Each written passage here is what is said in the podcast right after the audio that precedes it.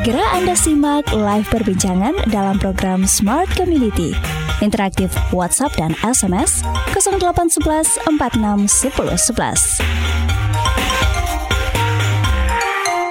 Bermalam Kamis bersama dengan keluarga terkasih pasti menyenangkan Smart Listener apalagi malam hari ini ditemani sama Rifa Majid dalam program Smart Community Tentunya di 101,1 Smart FM Makassar dan seperti biasa kalau di Smart Community Tafdol rasanya kalau saya tidak menghadirkan satu obrolan keren bersama dengan teman-teman komunitas yang ada di Makassar dan malam hari ini ini special smart listener. Ketika mereka datang, saya merasa sangat tegang. Wah, saya kedatangan KPK smart listener, saya digerebek sama KPK di sini.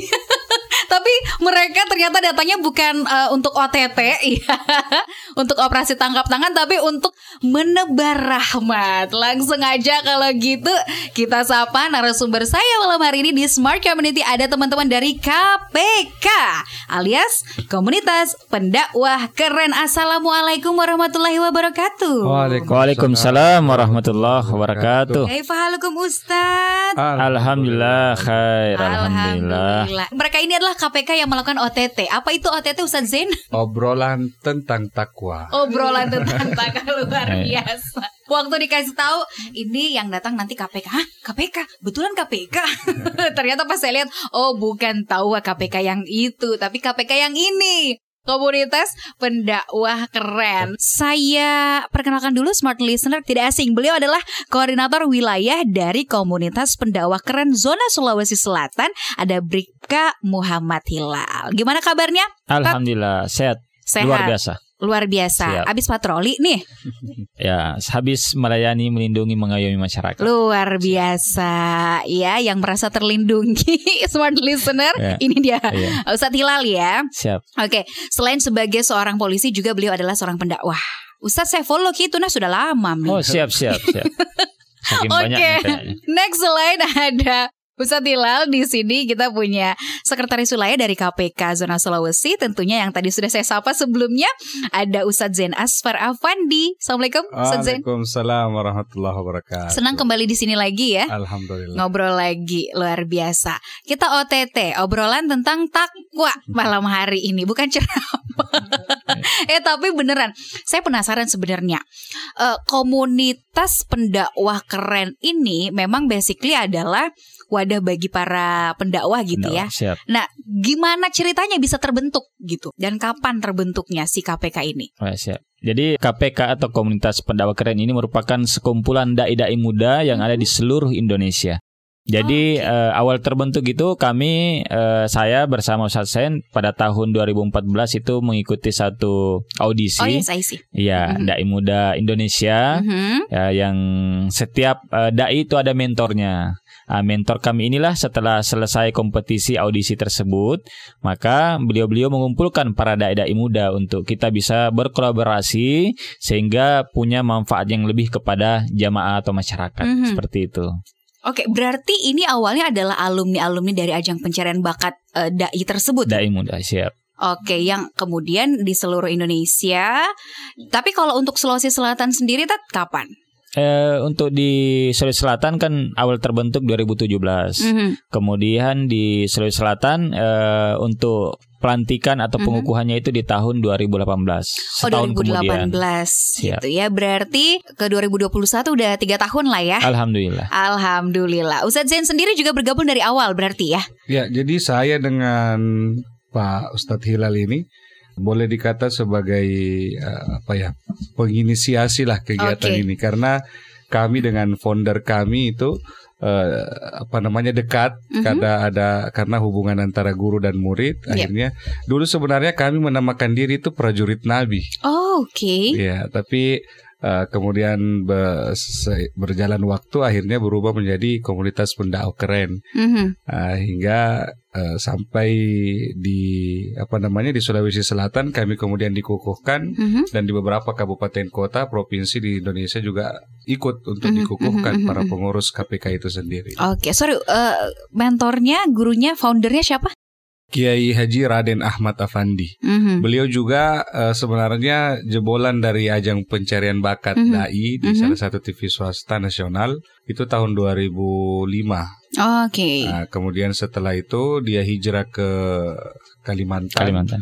Nah, di sanalah kemudian dia eh, mencari lahan-lahan dakwah. Mm ya memang wajar untuk didakwai ya. Ya, ya, ya. Tanda petik wajar untuk didakwai karena memang butuh dakwah. Nah, akhirnya karena tidak ada kedekatan dengan pendakwa-pendakwa di sana ya akhirnya beliau menghubungi anak didik mereka apa beliau hmm, ya hmm. murid-murid murid-muridnya beliau termasuk kami ini dihubungi untuk bisa berdakwah di sana. Hingga akhirnya ngumpul-ngumpul buat komunitas yang namanya KPK itu komunitas pendakwah keren. Oke, akhirnya terbentuklah KPK ini ya, untuk Sulawesi Selatan sendiri di tahun tahun 2018.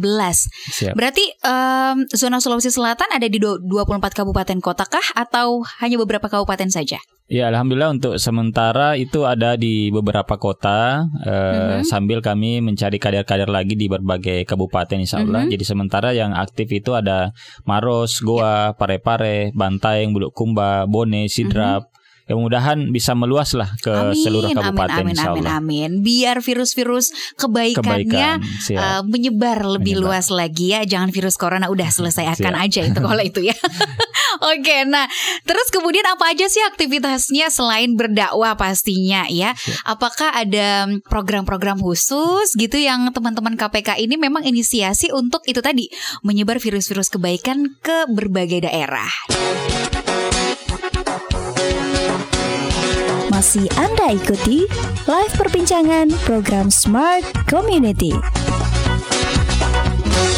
Jadi pendakwah itu keren bersama dengan teman-teman dari komunitas KPK, komunitas pendakwah keren zona Sulawesi Selatan. Saya penasaran sebenarnya apa sih makna keren itu? Apakah keren itu dilihat hanya dari tampilan kah? Atau seperti apa sih, Tat? Biasanya itu kalau orang dengar kata keren, mm-hmm. pasti yang modis ya, gitu ya. Pasti ya. kan dari sisi penampilan, mm-hmm. fashion, face yep. kan. Dan memang rata-rata kami di KPK memang rata-rata dai-dai yang sudah sudah sering tampil di layar kaca. Mm-hmm. baik itu TV nasional maupun TV lokal. Uh, tapi selain dari makna keren itu di dari sisi fisik, sebenarnya keren yang dimaksud di sini bahwa metode dakwah yang kami lakukan itu memang uh, kekinian mm-hmm. ya tidak uh, apa namanya istilah tidak tidak tradisional lagi mengikuti zaman lah apa yang dibutuhkan umat sekarang apa yang dibutuhkan uh, anak-anak muda bahkan lintas generasi mau yang tua yang muda ibu-ibu mm-hmm. anak-anak kami semua punya teman-teman dai yang bisa punya panggungnya masing-masing. Ya, ya. Nah, bahkan uh, seperti Pak Koordinator Wilayah kami ini kerennya di situ. Beliau selain seorang Polri se seorang polisi, beliau juga pendakwah. Di situlah kerennya kan da, tidak semua, saya kira tidak semua orang yang si disibukkan mungkin dengan pekerjaannya sebagai polisi bisa menjadi pendakwah. Hmm, bahkan ada teman kita pengusaha, bahkan ada teman kita PNS, bahkan tapi kebanyakan pengangguran. tapi pengangguran banyak acara, iya. ya. ya, ya. tapi memang intinya adalah dakwah dan mm -hmm. semua itu kami diikat dengan satu uh, jargon, satu semangat uh, yang saya kira ini uh, perlu kami sampaikan kepada teman-teman sekalian bahwa mm-hmm. uh, kita punya jargon itu ikhlas seruhnya dakwah. Oh, Oke, okay. nah, ini Benar. jargonnya KPK. Siap. Ya. Jadi kami berdakwah uh, tanpa melihat objeknya, uh-huh. tanpa melihat subjeknya, dan tanpa mengenal tarif. Ya. Nah, itu yang penting. Ya, jadi kan biasanya kan uh, ada sebagian jamaah atau masyarakat yang susah mendatangkan ustadz-ustadz. Mm-hmm. Nah, kerennya KPK, KPK yang datangi umat untuk diberikan pencerahan-pencerahan. Iya iya iya iya, tanpa berbicara soal nominal terlebih Betul dahulu. sekali. Jadi, gitu ya. Artinya bahwa KPK sebenarnya datang untuk umat. Ya, salah satu juga tujuan terbentuknya KPK itu menurut founder kami, pendiri founder pendiri KPK itu sendiri bagaimana cara menjaga marwah dari dakwah itu. Mm-hmm. Bahwa dakwah itu pekerjaan mulia. Yeah. Jangan sampai uh, pendakwah itu justru menurunkan marwah dari dakwah itu sendiri dengan cara seperti disampaikan tadi uh, nanti tidak mau datang kalau lorong-lorong, mm-hmm. tidak mau mhm. datang kalau tarifnya sekian, ya itu kan yang yang kita apa namanya di KPK itu tidak dipakai itu. Ya, ya. Bahkan kami uh, melalui founder selalu diingatkan kalau ada anggota KPK komunitas pendakwah keren mengatasnamakan KPK kemudian diundang ceramah kemudian dia sebutkan tarifnya sekian baru mau datang, nah itu wajib kami pecat. Oh, Oke. Okay. Bahkan menurut founder kami kalau ada yang berani macam-macam dengan KPK, kami siap pidanakan. Iya, iya, iya. Apalagi korwil kami ini polisi. Iya, iya, iya. Gampang ya urusannya ya. Iya, gampang.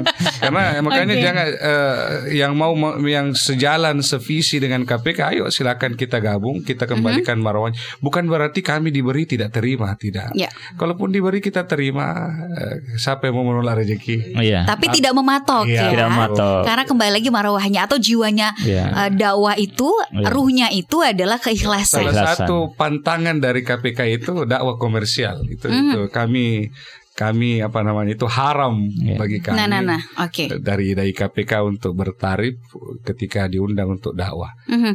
Nah, ini menarik sih sebenarnya dakwah komersial gitu ya. Tapi nanti kita bahas soal itu, soal dakwah komersial melihat juga sekarang realitanya banyak yang seperti itu, yeah. gitu ya. Tapi saya penasaran sebenarnya sebelum kita lebih jauh lagi membahas kenapa kita harus jadi uh, pendakwah dan uh, soal komersialisasi tadi. Pengalaman masing-masing dari ustadz-ustadz ini seperti apa sih dari awal pertama kali terjun di dunia dakwah gitu. Gimana ceritanya dari Ustadz Hilal dulu? Iya baik. Jadi kalau saya kan basicnya adalah polisi.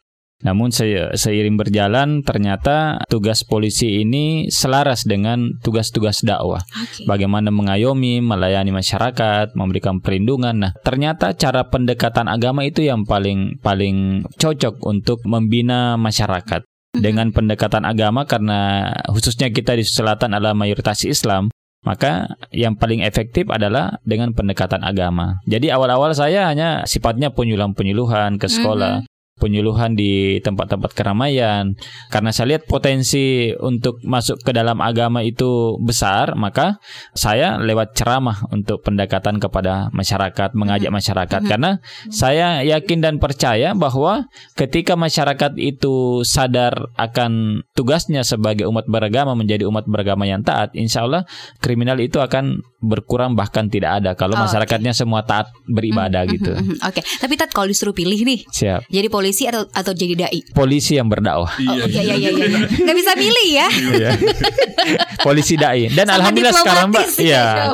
Alhamdulillah sekarang. Yang mana duluan Tat? Ya. Yang mana duluan ini kalau disuruh kayak pilih? Yang duluan tetap polisi, oh, iya, tapi iya. polisi yang berdakwah. Iya, alhamdulillah sekarang Mbak sudah ada program dari Kapolri dan uh -huh. alhamdulillah kemarin saya menjadi salah satu finalis 10 besar dai Polri seluruh Indonesia alhamdulillah. Oke, luar biasa dari lembaga kepolisian. Kepolisian. Juga bahkan bahkan sudah mendukung gerakan ini gitu ya. Oke, jadi kalau disuruh pilih juga nggak pusing lah gak ya. Pusing, ya. Baik. Karena sejalan nah, tugas. Sejalan Siap. baiklah. Melayani mengayomi Siap. masyarakat. Next Ustadz Zen seperti apa ceritanya dari awal terjun ke dunia dakwah ini? Saya kalau saya tidak salah ingat dosen. pertama iya, ya beliau pertama, dosen pertama menginjak uh, apa memegang mic ceramah itu ya mm -hmm. tahun 2009 kalau tidak salah. Mm -hmm.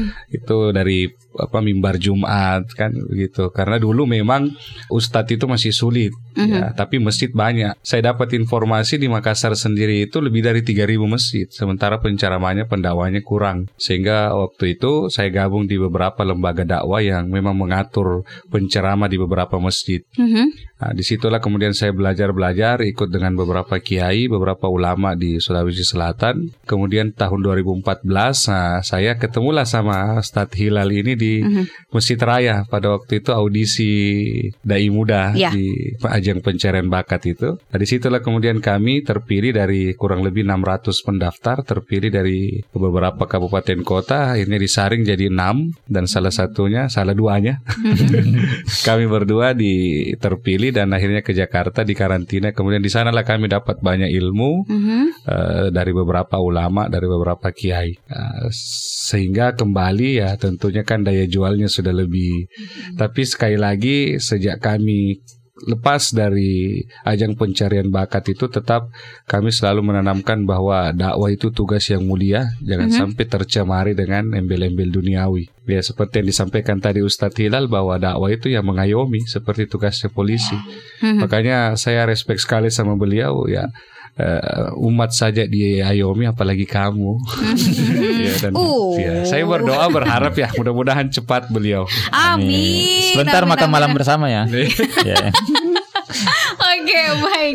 Nah, kembali ke pertanyaan tadi saya di sesi sebelumnya ya. Gimana sih sebenarnya teman-teman di KPK ini gitu ya menyusun aktivitas, program mungkin juga untuk terus mendukung si marwah dari atau ruhnya dakwah ini gitu loh.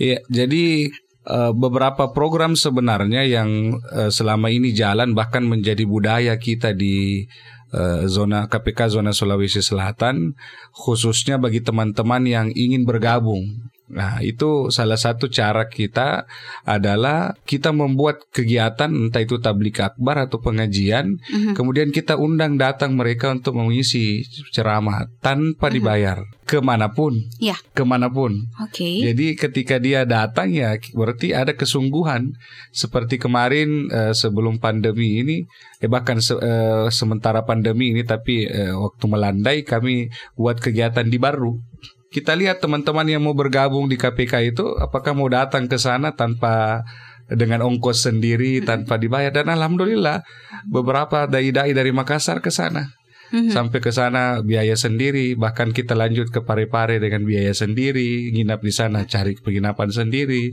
Ya, maka ya makan ya teman-teman ada di sana biasa interaktif mm-hmm. kita karena kan uh, masa tamu tidak di Iya iya iya iya.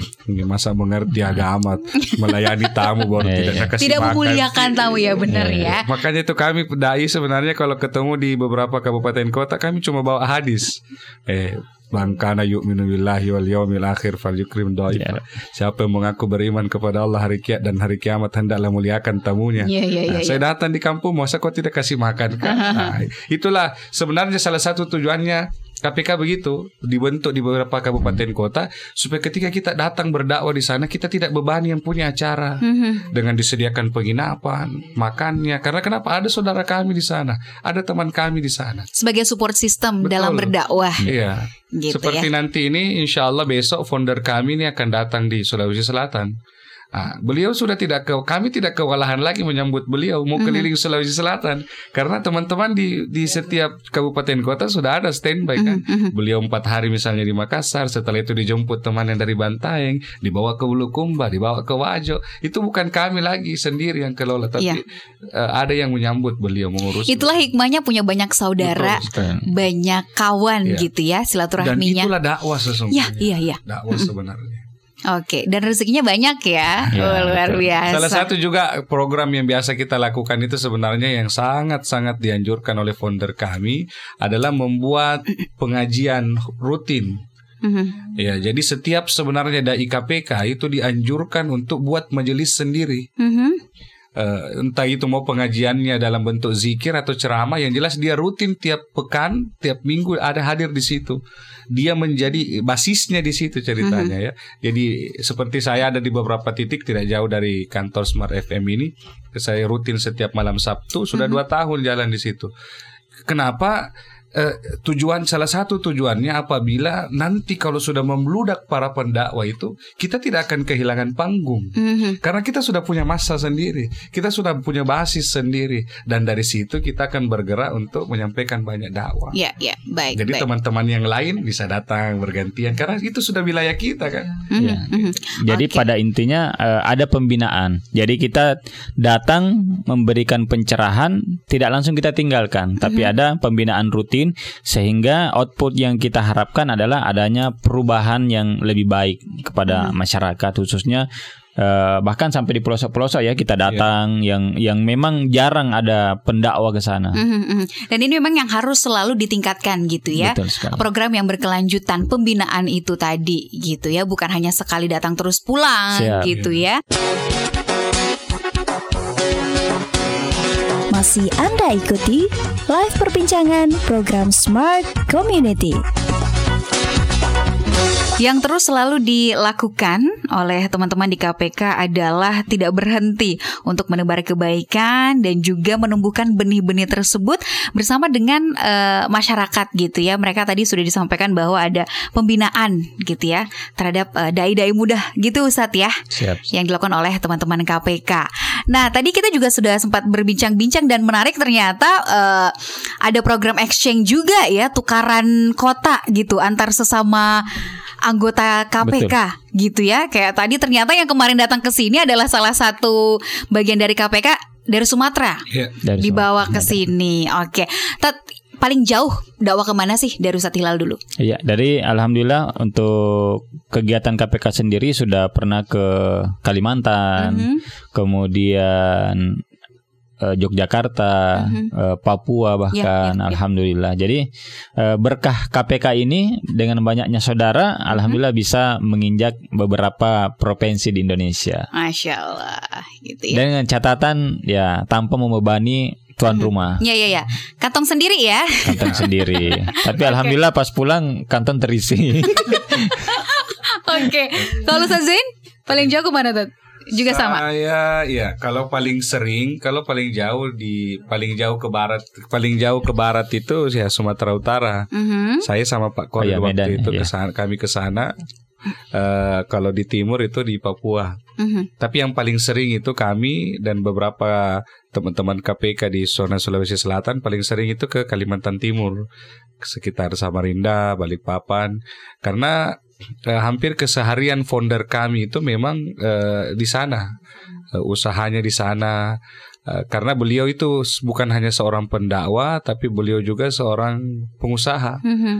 Uh, beliau sudah punya punya apa namanya ada usaha minuman ringan yang itu sekarang uh, di beberapa kabupaten beberapa provinsi di Indonesia sudah sudah ada cabang-cabangnya yeah, yeah. dan pusatnya itu ada di Samarinda. Hmm. Makanya beliau lebih sering di Samarinda. Nah, eh, objek-objek dakwah di Samarinda itulah yang kemudian dilempar ke semua dai KPK di se-Indonesia sehingga kami lebih sering berdakwah ke sana. Yeah. Yang kedua juga sering di Samarinda itu di Kaltim itu ya di sana kan banyak orang-orang tajir ya dan mau berbuat untuk dakwah sehingga enak untuk ditemani kerjasama ya kan kalau di beberapa tempat lain ya saya tidak bilang di Makassar mm -hmm. tapi di beberapa tempat lain ya banyak pengusaha tapi bukan untuk dakwahnya ya tapi di Samarinda itu kalau mau kedatangan dai luar biasa sangat -hmm. menyambut itu mhm. sehingga kami lebih sering dikirim ke sana ke pelosok-pelosok ada bahkan dari satu desa ke desa lain itu jaraknya uh, kita tempuh waktu sampai tiga jam ya sebenarnya dekat ya cuma jalannya karena kan mm-hmm. pipa-pipa minyak itu dibawa yang sehingga tidak bisa dibuat mulus jalan itu okay. dan itulah saya kira rintang, tantangan dakwah itu sendiri itu tantangannya ya yeah. tapi ngomongin soal dai keren definisi dai keren itu apa sih dari sudut pandang masing-masing gitu. Siap. Kalau dari saya keren itu sih bisa uh, mengeksplor kemudian mengeluarkan segala tenaga pikiran uh, untuk kebaikan. Mm-hmm. Seperti itu. Karena pada prinsipnya uh, khairun nas anfa'uhum linnas. Sebaik-baik yeah. manusia adalah manusia yang paling banyak manfaat kebaikannya untuk orang lain. Oke, okay, tapi kalau salah satunya lewat dakwah. Iya, salah satunya lewat dakwah. Tapi kalau misalnya dai yang dikomersialisasikan. Yeah. Keren gak sih? Uh, kalau menurut saya itu nggak keren karena mm -hmm. uh, istilahnya kita tidak bermanfaat tapi malah membebankan seperti mm -hmm. itu. Mm -hmm. Oke, okay. sekarang ke Ustadz Zain. Saya justru apa ya berpendapat bahwa orang yang mengkomersialkan dakwah dengan dengan niat apa pun, dengan alasan apa pun, saya kira tidak bisa diterima. Mm -hmm. Kalau sekiranya dakwah itu harus dibayar dengan alasan pembeli bensin, dengan alasan uh, uh, Ustadz harus begini begitu, saya kira Eh, Nabi Nabi Muhammad mungkin ketika beliau wafat pasti meninggalkan banyak harta. Mm-hmm. Tapi kan faktanya beliau tidak. Para sahabat bahkan mengeluarkan banyak hartanya justru untuk dakwah. Dan harusnya pendakwah begitu, dia mm-hmm. yang ngongkos untuk hadir di medan dakwah itu. Mm-hmm. Ya, bukan dia membebani warga, masyarakat, umat, jamaah untuk Eh, keperluan dirinya sendiri. Maka kata founder kami, sebenarnya indikator keberhasilan dakwah kalian itu apa? Kita mm-hmm. pernah ditanya. Okay. Kalian mengatakan dakwamu berhasil, kau lihat dari sisi apa? Karena sekarang banyak orang tidak berhasil dakwanya, tapi yang berhasil pendakwanya. Mm-hmm. Nah, ya, ya. kan mm-hmm. yang berhasil bukan dakwanya tapi pendakwanya, pendakwanya naik mobil Mercy, pendakwanya pakai jam miliaran, mm-hmm. ratusan juta, tapi tidak ada yang berbekas di masyarakat. Mm-hmm. Masyarakat yang dia datangi dakwah tidak ada yang berubah sifatnya, bahkan tambah anarkis mm-hmm. wilayahnya. Nah, ini ini yang yang harus saya kira harus dirubah supaya bisa jadi keren. Kerennya mm-hmm. bagaimana ya? Pendakwanya itu tidak apa-apa juga berubah nasibnya supaya ceritanya sedikit lebih berkelas kan mm-hmm. tidak di tidak diremehkan tapi di sisi lain uh, ada beberapa tempat-tempat yang dia mampu merubah kebiasaan masyarakat seperti tadi yang saya katakan dengan mm-hmm. adanya dakwah rutin yang dilakukan dai-dai KPK dia datang ikhlas membina warga di situ tanpa meminta bayaran, kemudian dia merubah kebiasaan masyarakat itu jauh lebih baik. Saya kira di situlah keberhasilannya seorang pendakwah. Iya, iya. Tapi kan keberhasilan dan kegagalan dari sebuah proses dakwah itu kan juga berkaitan dengan gimana sih metode kita ya, ya. gitu ya. Mendekatkan diri kepada masyarakat dan metode penyampaian dakwahnya itu sendiri. Dan saya yakin teman-teman di KPK pun punya metodenya sendiri-sendiri. Setiap dai itu pasti ada ciri khasnya sendiri-sendiri Ya betul, sih? Betul nah, sekali. menurut uh, masing-masing nih Ustadz Hilal bahkan Ustadz Zain, metode dakwah yang sekarang itu memang sangat bukan hanya disukai ya, iya, tapi iya. dibutuhkan oleh masyarakat biar itu tadi indikator-indikator keberhasilan dakwah tuh bisa kita penuhi gitu. Iya. Jadi bukan hanya sekedar datang, ceramah, pulang, selesai nggak ada yang berubah. Betul. Gitu. Iya. Apa Tat? Ya, jadi yang harus kita pahami terlebih dahulu bahwa dakwah itu bukan hanya di panggung. Ya. Jadi dakwah itu lewat e, perbuatan juga merupakan dakwah, contoh-contoh uswatun hasanah seperti yang diajarkan oleh Rasulullah. Kemudian metode-metode ya tentu kita melihat situasi dan kondisi masyarakat apa yang dibutuhkan, dakwah seperti apa. Mm-hmm. Sehingga ketika kita bisa mengetahui psikologis, kita mengetahui keadaan masyarakat, ya tentu yang kita dakwahkan sesuai dengan e, kebutuhannya. Mm-hmm. Ya misalnya uh, lagi sulit untuk uh, berbisnis, lagi sulit untuk uh, usaha ya kita berikan dakwah-dakwah tentang bagaimana Allah itu menjamin rezeki setiap orang mm-hmm. dan sebagainya. Jadi uh, kita lihat kebutuhan masyarakatnya apa seperti yeah, itu. Iya, yeah, iya, yeah, iya. Saya kira tidak tidak susah sebenarnya bagi teman teman-teman dari KPK di zona Sulawesi Selatan kalau ada yang dengar siaran kita pada malam ini tidak susah sebenarnya untuk kita cari panggung-panggung dakwah yang di, kita jadikan untuk merubah warga dan umat di situ. Kenapa? Mm -hmm. Karena Uh, saya kira tidak ada yang menolak kalau gratis. Mm-hmm. Ya, kita kan datang, kita tawari saja, Pak, saya mau ceramah di masjid tak eh, kumpulkan saja jamaah antara maghrib isya saya insya Allah rutin datang misalnya setiap hari Sabtu mm -hmm. malam Ahad kumpulkan saja jamaah tidak usah kita kasih saya apa-apa mm -hmm. yang jelas ada jamaah mm -hmm. antara maghrib isya rutin lakukan jangan pernah pakai alasan sesibuk apa pun tetap isi di situ mm -hmm. akhirnya apa masyarakat kan eh, apa namanya senang dengan kita, simpati dengan kita. Oh, ada ustadz ini rela datang uh-huh. tanpa dibayar, tinggalkan waktunya datang untuk membina kita. Akhirnya dia yang datang. Uh-huh. Nah, kesempatan lah ketika dia datang mau dibina ini, mau dididik, mau diberikan uh, pemahaman agama, masuklah kita di situ. Yeah, yeah. Nah, orang yang butuh kita kasih, pastikan dia tangkap pemahaman itu, berubahlah yeah. akhlaknya, berhasillah kita dakwah. Yeah, yeah, ya. Gampang yeah. sekali sebenarnya. Cuma itu lagi uh, tidak semua bisa sepisi dengan kita bahwa menjaga keikhlasan itu memang mhm. susah. Menjaga keikhlasan sebagai ladang pahala. Betul sekali. Gitu Makanya gitu ya? jargon ikhlas ruhnya dakwah itu ini betul-betul menjadi semangat kita di KPK. Harus mm-hmm. ikhlas. Bahkan jujur saya sampaikan ini izin Pak Korwil saya harus sampaikan keberadaan KPK selama tiga tahun di Sulawesi Selatan khususnya di Makassar ini banyak loh orang yang pada akhirnya memandang negatif khususnya bagi sebahagian teman-teman yang tugasnya memang pendakwah, mm-hmm. tapi sejak dulu memang mengkomersialkan dakwah. Oh, okay. Bahkan ada yang mengatakan uh, dengan datangnya KPK katanya pecah piring makannya.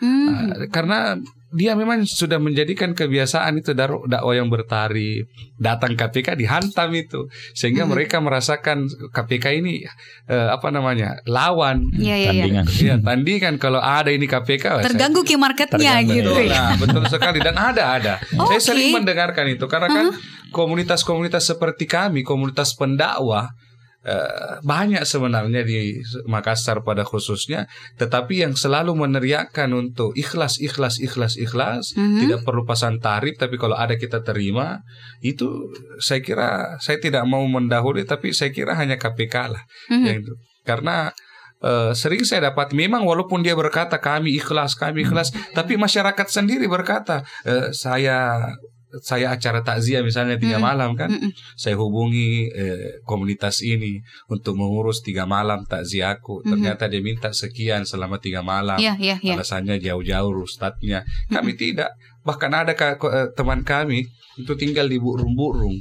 Dia koordinator daerah untuk Kabupaten Gua. Tinggal Iya. di Patalasang, Burung-Burung. Iya, benar-benar. Untuk ngisi di Makassar itu luar biasa jauhnya. Tapi kalau kita kasih datang, walaupun mohon maaf, mohon maaf sekali lagi, mohon maaf tidak bermaksud apa-apa, walaupun mungkin hanya dikasih 200 ribu. Mhm. 150 ribu. Tapi mereka datang Ya, karena ya. kenapa? Bukan persoalan itu dakwahnya. Mhm. Ya. Oke, ini yang sulit menjaga keikhlasan dan Betul. ketulusan hati gitu ya. Itu mungkin tantangan terberatnya. Nah, nanti gimana sebenarnya uh, teman-teman di KPK sendiri menjaga keikhlasan itu? Gitu ya, menjaga kebersihan hati gitu ya. Karena kan ketika berdakwah apalagi tidak menentukan tarif gitu ya. Walaupun kita nggak munafik sih sebenarnya jadi Iya. manusia, jadi orang tuh butuh hidup Kado. gitu ya. Masih Anda ikuti live perbincangan program Smart Community. Kembali lagi masih di Smart Community bersama dengan KPK, Komunitas Pendakwah Keren Zona Sulawesi Selatan. Masih semangat Ustadz? Masih semangat. Masih semangat ya dengan jargonnya apa Ikhlas ruhnya dakwah. jargonnya? Ikhlas ruhnya dakwah. Nah, menjaga keikhlasan itu sulit ya Ustadz ya.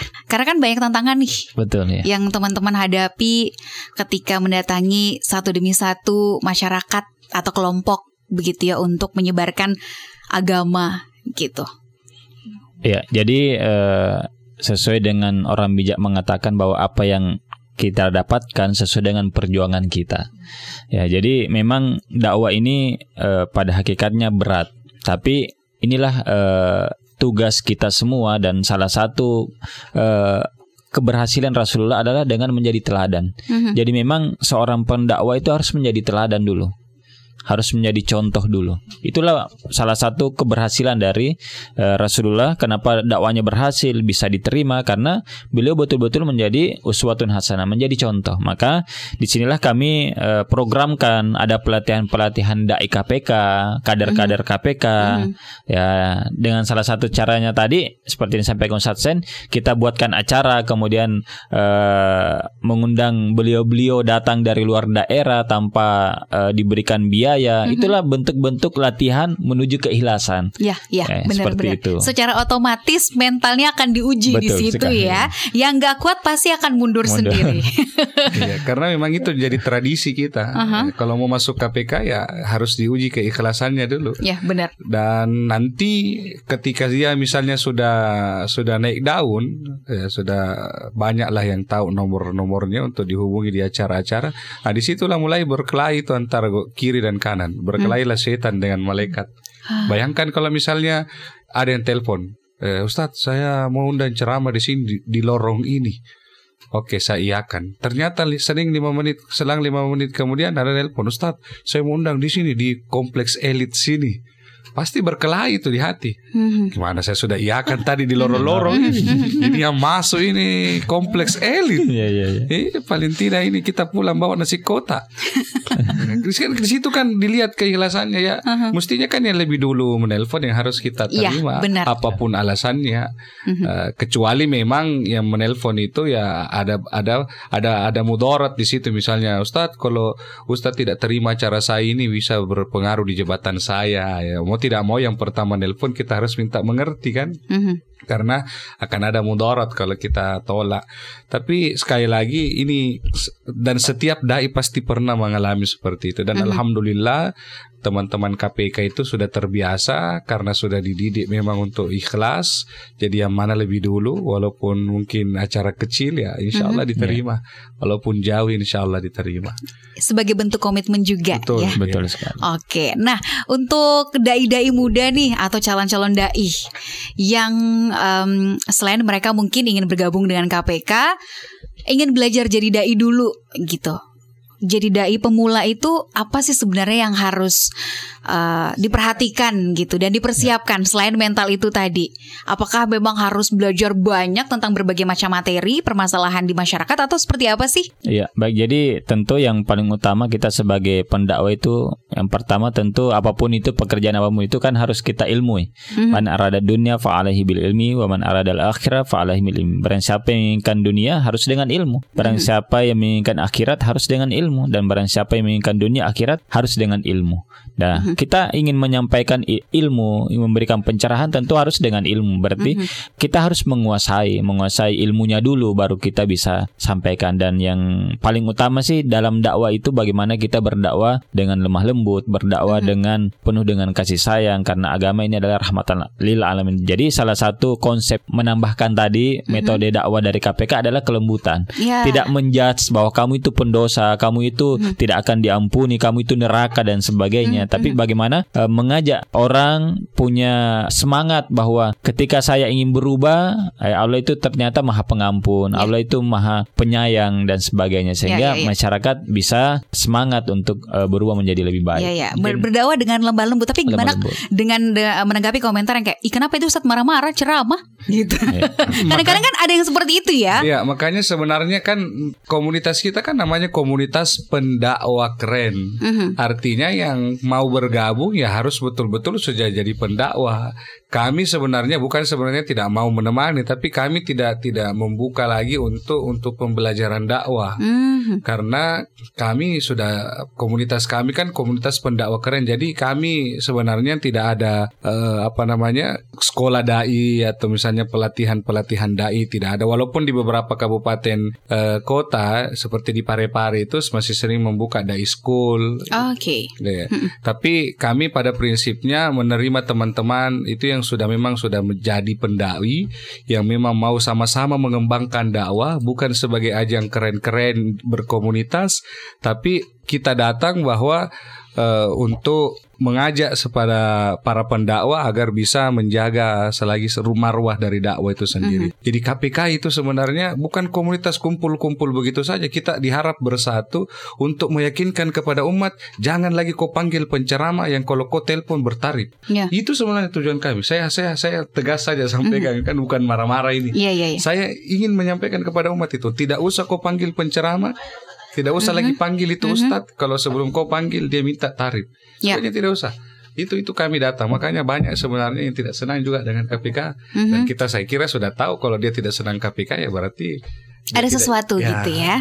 Oke, baik. Nah, Ustadz kalau misalnya nih um, ada yang kemudian ingin menimba ilmu bersama dengan teman-teman di KPK gitu ya, mungkin sudah terjun juga sebagai pendakwa, tapi ingin apa ya punya gaya yang baru gitu, terpanggil gitulah sebagai uh, seorang pendakwa yang ikhlas menjalankan dakwahnya. Caranya seperti apa sih? Atau ada persyaratan khususkah yang harus dipenuhi atau gimana? Iya, jadi kami sebenarnya tiap saat menerima teman-teman mm -hmm. yang sevisi dengan KPK yakni ikhlas dalam berdakwah karena ikhlas ruhnya dakwah itu setiap saat kami membuka silakan yang mau ikut bergabung karena komunitas kami namanya komunitas dia tidak tidak berbadan hukum mm -hmm. karena kan komunitas hanya ngumpul-ngumpul silahkan yang mau uh, caranya itu ya ada beberapa kajian KPK, tempat mm -hmm. kajian KPK yang rutin uh, kita lakukan entah itu setiap pekan, ada yang setiap bulan, mm -hmm. itu bisa hadir mungkin memberikan ceramah tapi dengan catatan ikhlas tanpa dibayar uh, datang karena majelisnya itu apa umatnya itu jamaahnya itu jamaah tetap. Mm-hmm. Jadi mm-hmm. ada beberapa masjid silakan datang. Kami kasih kesempatan berdakwah barang 15 menit. Kalau kita banyak orang, kalau cuma mm-hmm. sendiri kasih setengah jam.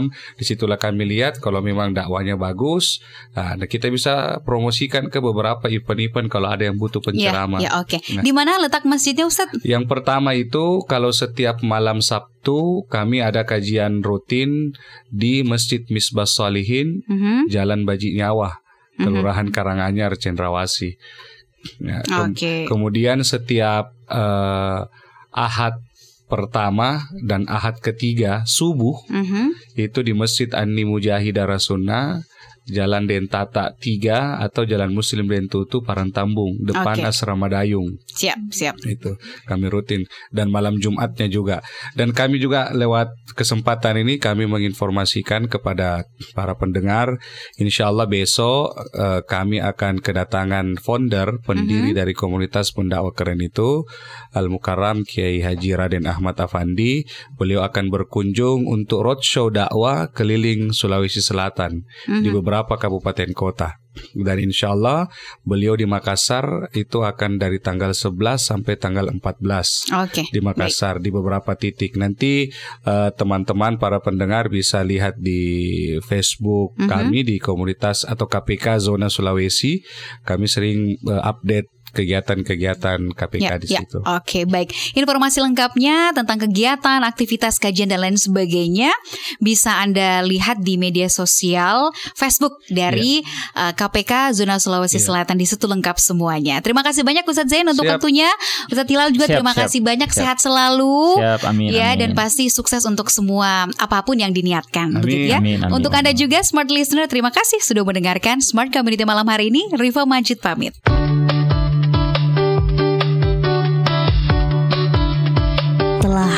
Simak live perbincangan Smart Community. Sampai jumpa.